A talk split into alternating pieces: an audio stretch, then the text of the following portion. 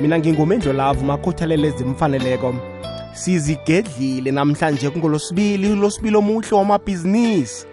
Namhlanje sikhambisana nomnakwethu la sibusiso sindana uvela ngaphasi kwe-arc vision energy depot.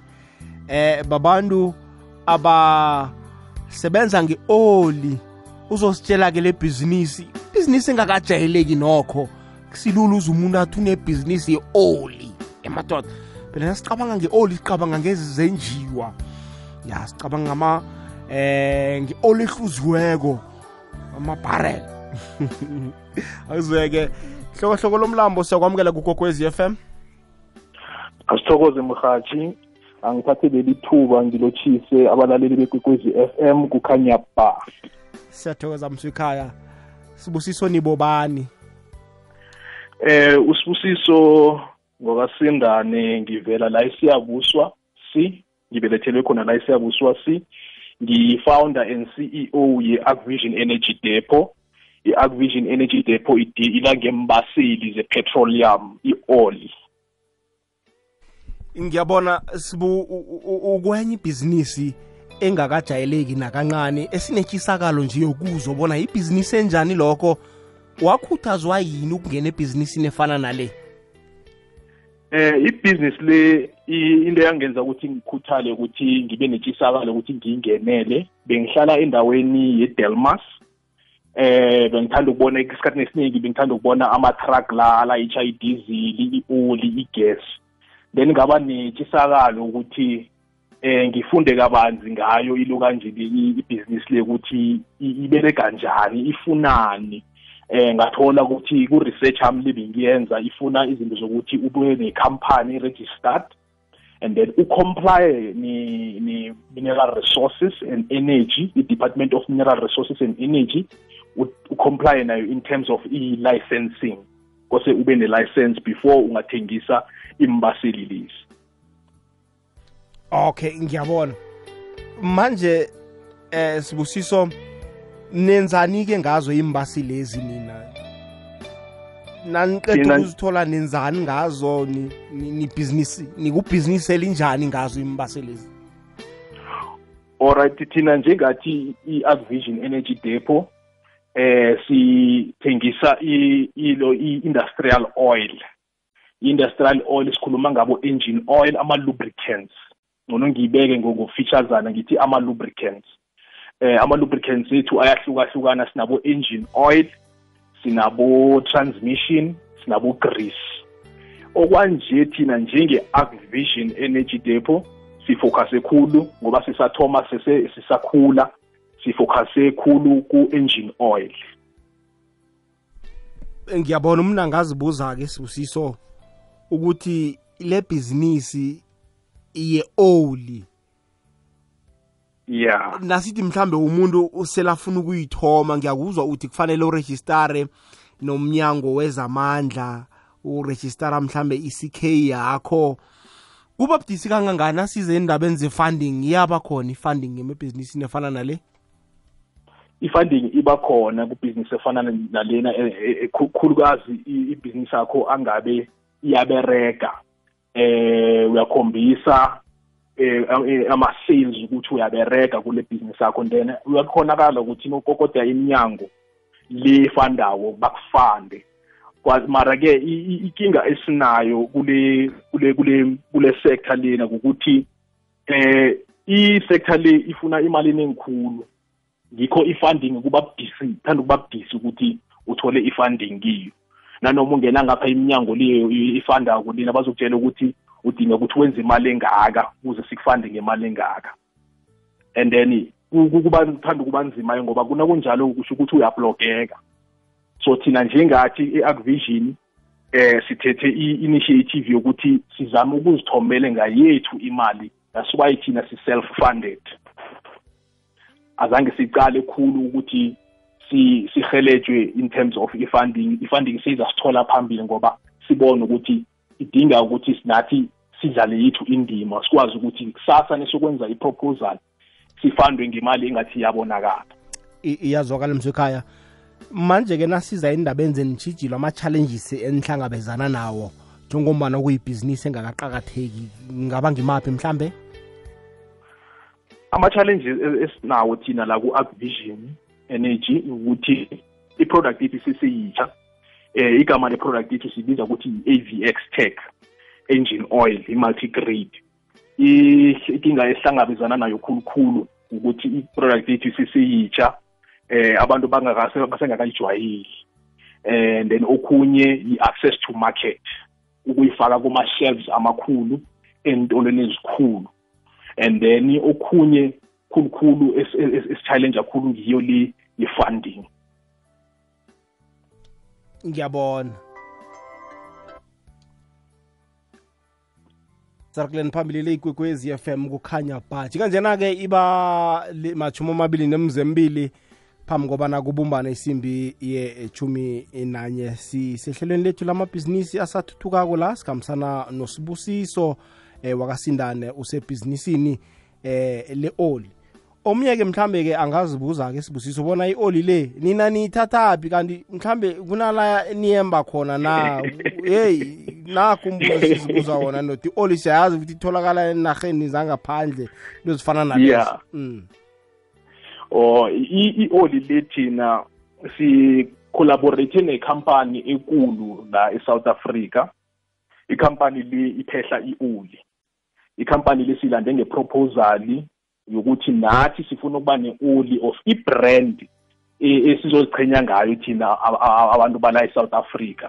Ngoba esikhathini esiningi in-oli lezi zivela ngaphandle sinama-brand avela ngaphandle adominatayo la e-south africa. So thina seza neproposal ukuthi-ke nathi ke sibe neyethu i-brand yala e-south africa. And then bayithande khulu i-proposal leyo basipha lelo thuba lokuthi no singacollaborata and then-ke thina i-oli lesithatha la elokanjini ekhampanini and then sizibrandele yona then siyayithengisa ebantwini or kuma-clients. Ngiyabona ngaphambi kobana siragele phambili ngifuna case yokuthengisa sibuye siragele neminye imibuzo phambili. Ihlelo lakho lekuseni kukokwezi fm isivukile breakfast show rnb linyuliwe ke bonongorwana bama-south african radio awards breakfast show of the year 2022 ngobusayi arvuna nothabi sibafisela okuhle nempumelelo babuye naye unongorwana ikwekwezi fm kukhanya ba iflaha lesewula afrika liphephezela ngemibala elithwayo lesitshaba esivangileko esinebumbano. Imibala yalo ifundlile imimida ethabaleleko naliphephezelako umbala ohlaza ovundla phakathi uhlukanisa ngomphetho omhlophe ombala obomvu ngaphezulu nojuba ngenzasi.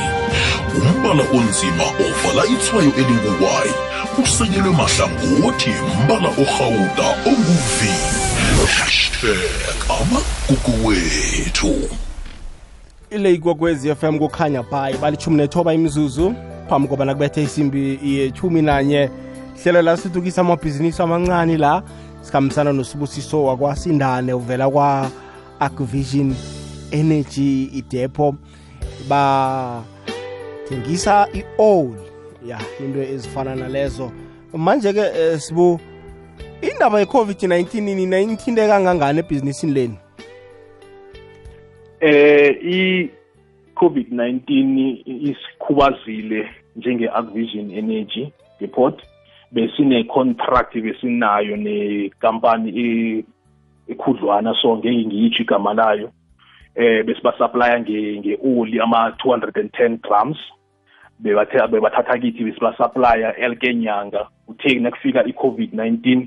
Kwatholakala ukuthi iyavaleka leyo gap leyo ngoba sakhona ukuthi sibasuplayele i-contract kwaba kuphela kwayo. Manje kube kube budisana ukuthi si, si, si, sibuye sibounce back kodwa sikhonile khona ukuthi sibuye. Mara kube nzinyana ngoba bese sesijwayele ukuthi sine-contractor ekhona esihlala sisuplya kiyo njengeluka njenge-advision energy depo. I- iyazwakala mlaleli kokwezi FM nawe-ke asingakuvaleli ngaphandle nangabe mhlawumbe unombuzo nje othize ofuna ukuwubuza umna kwethu la ungasabi ukusithumela eh i- i- i-whatsapp voice note kamnandi ikhulu kwamambala ku-079 413 2172 079 413 2172 sindana-ke umuntu uyazibuza-ke bona kule bhizinisi le eh kuyaphileka na? Ya eh ikule business kuyaphileka eh eh akwethu especially nongathola nongathola izinto ezifana nokuthi unama clients um ama regular clients wakho eh and then unama contracts wakho la ukukhona khona lana abathatha khona kuwe. Asithi mhlambe ngizokwenzela umzekelo asithi mhlambe kunekampani ethize ekulu enenlori of enefleet eningi ehlezi ithatha kuwe elke nyanga. And ayithatha ayithathi nje ayithathi nje kancane ithatha in bulk ula wenza khona khulu ama-sales. And then ke nanoma usupplya la amanye ama-small companies still nalapho kula ugenerator khona ama-sales wakho. Eh nongacheka i-petroleum sector eh idlala indima enkulu ku-GDP ye-South Africa. It's one of the main contributors ku-GDP so ngingatsho ngithi kuyaphileka elephile kakhulu nengenzeka ukuthi ibhizinisi yakho noyithomako uthome ngendlela ngendlela erehe and then ukwazi ukuthi uwasustain nalawo ma-customer onawo. Iyazwakala sibungu ngifuna khe ngiyokuzwa umlaleli gokwezi FM hayi mindlo lavo ngithola ku-91.8 steve jweda mindlo lavo ukhuluma nomahlangu. Eh mindlo lavo ngiyamthokozisa mani isithekeli sakho. Usibusiso kwangathi angachubekela phambili abekele abantwana bakhe ukudla phezu kwetafula. Nami Thokoze, nami Nkosi, emindlo lavo ampore nedi ngihluke kancane kuye ngokuthi mina i-oli yami is a cooking oil ngile ukupheka ukudla ubrama chips ubry everything. Senginama-custom nami ngidilivele ama-custom ngithanda ukuthi nami ama-custom mami. Unkulunkulu abanabo abapha amandla ngiyabathokoza abantwana babantu bangalahli ukusapota. Ngukuthi mina ngiyakudilivela mangikudilivelako soma mangifonelako ngikhona ukuthi sometimes ngikudilivele vele. Maybe usabambe ngomunye umsebenzi endlini uyangidilivela. Espacini sokuya esitolo ngiyobona ngibreak emnyango ngikudilivela ngidanko macustomer ami good sunflower enjoy danki khanya ba ya bazomabhizinisi abasathuthuka-ke thutshana abantu balisebenzisa la. Kora to 11 sibu akhe ngithi mhlawumbe omunye umuntu ufuna ukungena ebhizinisini elifana nelakho ungathini mhlambe kuye or angakuzwa kuhle lapho mhathi ingikhathile kancane. Okay akhe ngithi mhlawumbe kunomuntu olaleleko onetshisakalo lokungena ebhizinisini elifana nelakho. Ungathini nje kuye? Igadango lokuthoma kufanele alithathe? Alright eh into yokuthoma engayitsho ukuthi nongena kuleli bhizinisi leli kose kube nethando lebhizinisi ukuthoma. Ndani? Uregistare ibhizinisi yakho ndani nokuthi uregistara ibhizinisi ucomplye ne-department of mineral resources and energy. Ngamanye amagama ngisho ukuthi uthole ilayisensi yakho wena ungena ku-space se-retail of se-wholesale kuyangawe ukuthi wena uthanda ini of uprefera ini. Mara okubaluleke khulu ukuthi ucomply ngoba wangacomply uzozithola ubhadala ama-fine angangabo-five million plus of west ubotshwe nawuthengisa i- i- i- imbaseli lezi kungemthetho. Ngikuzwa ukhuluma ngabo wholesale nabo retail. Umehluko ukuphi lapho? Amalayisensi lakana kafani ama-license la akafani. Sine-retail sine-wholesale. I-wholesale ithengisa nge-wholesale price and in bulk. Kusho ukuthi awuthengisi nge-item yinye. Eh ngizokwenzela umzekelo i-diesel noyithengisa nge-wholesale. Eh ithoma nge-1500 liters. While as nge-retail ungathenga abo-10 liter in in. So ihluka ngalokho. Inama-regulations yayo rules and regulations yayo we-wholesale price and then i-retail nayo inama-rules and regulations wayo we-retail price. So umuntu oku-wholesale uthengisa nge-bulk. Umuntu oku-retail uthengisa ngabo one one one one one one or two two kuya ngokuthi mhlawumbe umuntu ufuna ufuna ufuna ngakhi yezinto of yama-items of yama-liters kuyazwakala. Alo ngoba abosomabhizinisi abancane abasathuthukako na ukhuluma ngendaba zocomplya nokuvula kurejistara i-ck abantwana babantu hayi balile ngentela i-tax ukuthi bangibhadalisa i-tax ingakenzi nenzuzo. Sidlula njani entweni ezifana nalezo? Eh ku-tax ku-tax bayatsho ukuthi i-turnover yakho kose ibe ngangani before ungabhadala i-tax. Eh njengokuthi asithi mhlawumbe wenza imali engango i-turnover yakho i-more than 1 million eh per annum uzokuthoma ukubhadala i-tax lapho. Mara nengaphasi angeke uyibhadale i-tax.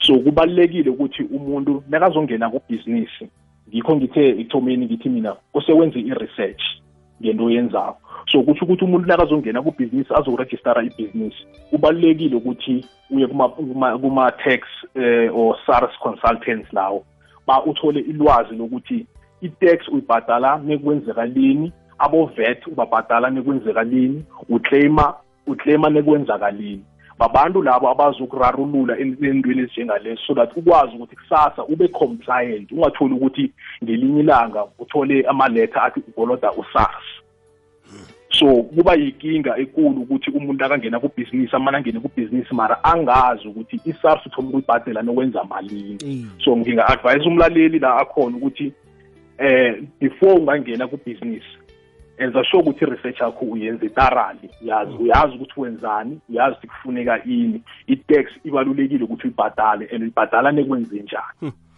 iyazwakala uveza iphuzu elibalulekileko la ukuthi asawumane ubhadala i-tax kuba nemali ethize kufanele uyingenise ngonyaka. Kukhani batibhadela abantu babaleka abantu babaleka ukurejistara amabhizinisi abantu bebalobe namathuba wama-funding khumbula eh bekune bekune covid kube nama relief fund amaningi kodwana bekafuna abantu bacomply qange ngaphambi kobana uzokuqualify nikhe naqualify kwethize mhlambe sibu eh thina njengathi sayi-aplayela basidecline i-covid relief fund eyasi-approva ngiyilu kanje ngiye-bank mm. mara lawo i-government asidecline mm, mm, no kuyazwakala kuleyo ndawo. Hayi mlaleli 079 413 2172 i-whatsapp voice note? Nanithuba la nabo abantu bembaseli. Baqakathekile labo abantu bakwethu. Le bhizinisi ibhizinisi ehlakaniphileko engakajayeleki nokho. 079 4132172 sibu?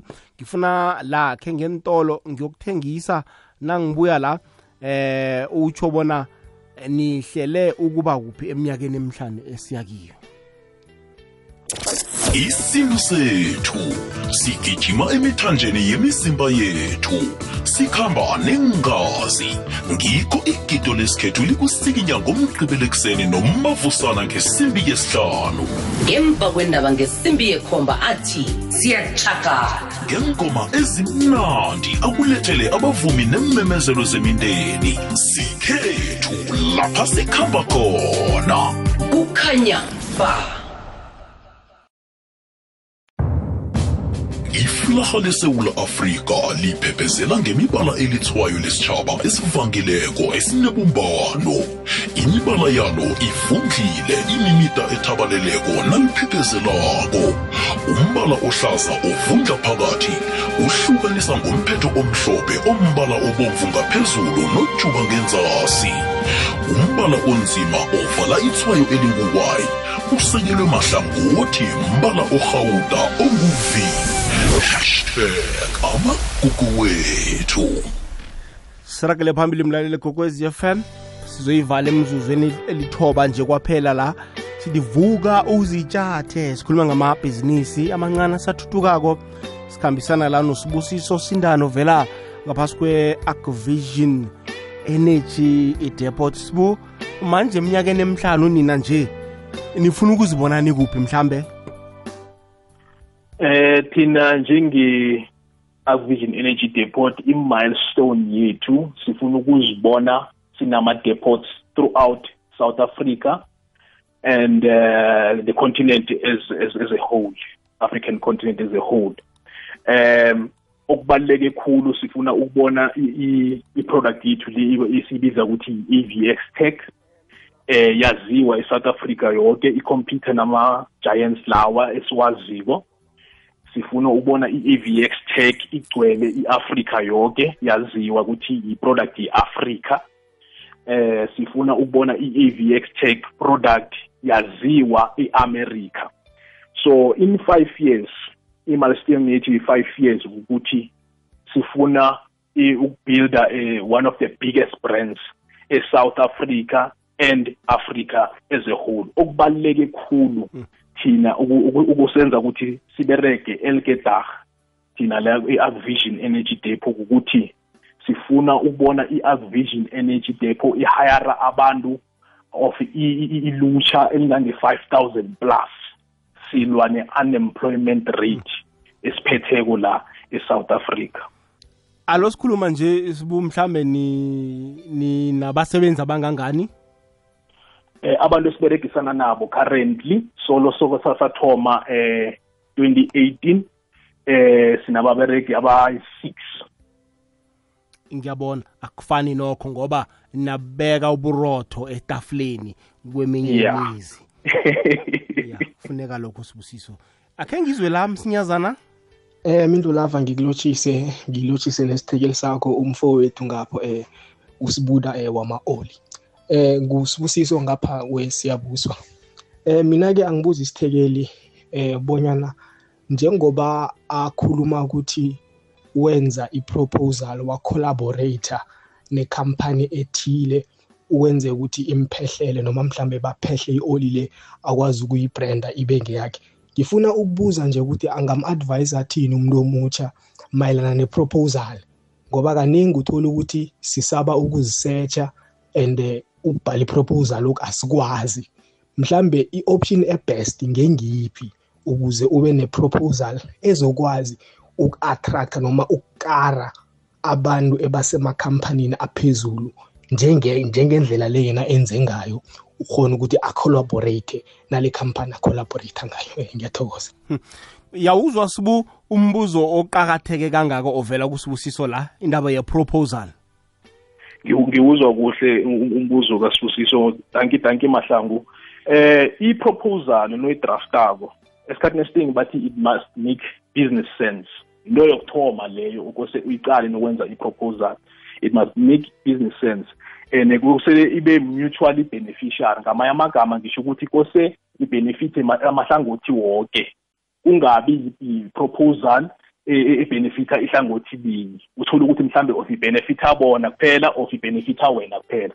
Esikhathini esiningi i-proposal noyi-structure-ako mdele uyiqale ngehlangothi lokuthi mdele ibenefite wonke amahlangothi. And imake i-sense i-business sense. Esikhathini esiningi bathi it must make business sense. Nebathi it must make business sense basho ukuthi it must, it, it must meet the bottom line. Senze imali ngayo proposal li yakho. Kula abantu bakhona khona ukuthi bayithathe bayenze i-potential ukuthi bacabange nge-proposal lakho li bayicabangisise i-proposal lakho li and then bayi-check-e. Nebaqeda ukuyi-check-a kuwoke woke amahlangothi yenza i-business sense. Kulabo abantu bakhona khona ukuthi baberekisane nabo kunala mhlambe basizana khona ngokugrafta i-proposal. Mhlawumbe umuntu usebumnyameni ngendaba ze-proposal. Khona iminyango la ukokota khona bakusize sibu eh bakhona iba- ikhona iminyango e- esizanawo ngama-proposal eh engiyazi-ke iminyango esizanako bu- busida. Abosida baya- bayahelebhana ngama-proposals. And then abanye abantu abakhona ukuthi ba ba- ba- bakusize ngama-proposals babantu abafana nama-accountants. Mina njengami i- i- i- i- i-proposal le engayenzayo ngayenzela ngayenza ne-accountant ngahlala phasi ngamtshela into engifuna ukuyenza. And then ine-vision yokuthi ngifuna ukuyis- ukwenzani ngento le. Sayidrafta sathi ukuceda ukuyidrafta mumuntu oprofessional odila ngendwesi odila ngebhizinisi wayenza wayi- wayistructura kuhle then ngayithatha ngayoyisubmitha ebantwini laba ekose ngisubmithe kibo. I- iyazwakala ngifuna stop umlaleli la. Alright ku 086 3278 086 3278 zinomboro zethu zomtato la. Nangabe mhlawumbe ufuna ukubuza umbuzo eh sikhulumisa indaba ekulu la yokuphehla i-oli bakwethu uzithole sowusebhizinisini ekulibhizinisi esathi ngomningi balo lenziwa makhuwa kodwana-ke likhona endlini enzima amathuba angaba maningi sibu. Njengomana sesizoyivala nje akhe sibuyelele nje amaphuzu aqakathekileko mayelana nebhizinisi lakho ungathini nje? Oh amaphuzu acakethekileko khulu kose uwacale kule bhizinisi leli kukuthi number one eh kuyo yonke ibhizinisi thanda ibhizinisi ofuna ukuyenza. Number two iba compliant i-compliance ibaluleke khulu iba compliant ngalokhu okwenzako number 3 yenza i-research eh enza sure ukuthi before uthoma ngebhizinisi ufuna register enza siyekere ukuthi uyayiresearcha ngayo ibhizinisi leyo isector leyo iminyango ekhona ukukufanda ngebhizinisi leyo. Ngikho okubaluleke khulu. And then okubaluleke khulu nakhona engakukhavara okhunye ukuthi eh kuyo yonke into oyenzako zimisele. Akunanto ekuthiwa it's impossible.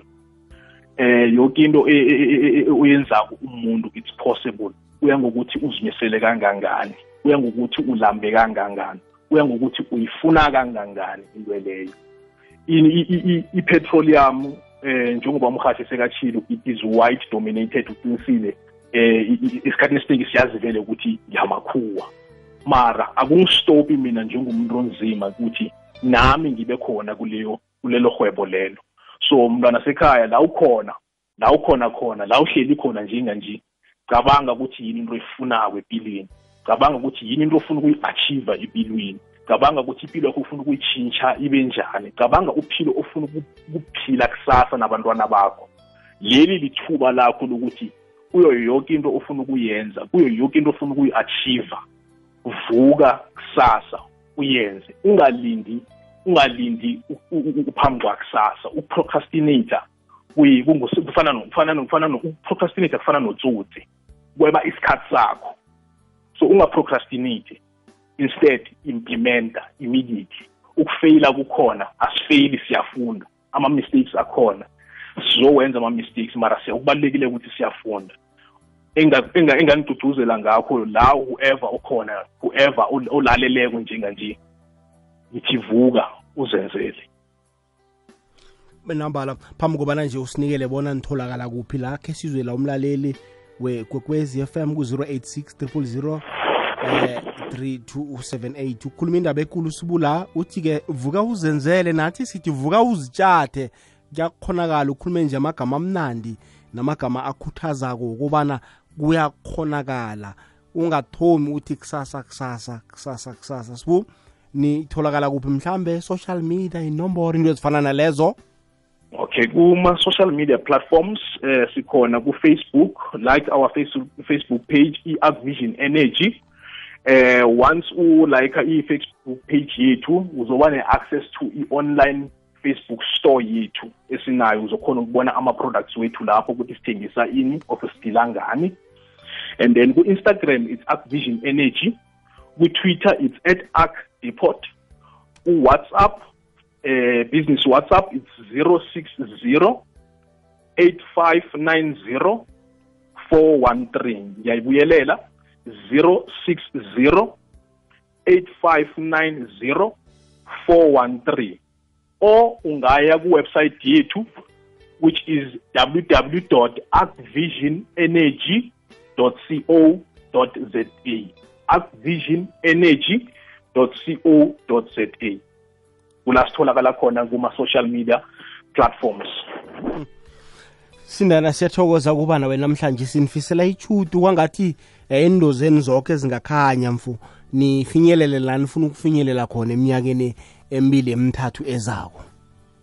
Sithokoze ukukhulu umhathi sithokoze nethuba nisiphe lona sithokoze nabalaleli labakhona. Ngithembe ukuthi eh umlaleli la akhona uzalithatha leli thuba azibuze ukuthi ufunane empilweni asebenzele phezu kwalokho. Ngithokoze khulu ngithokoze khulu.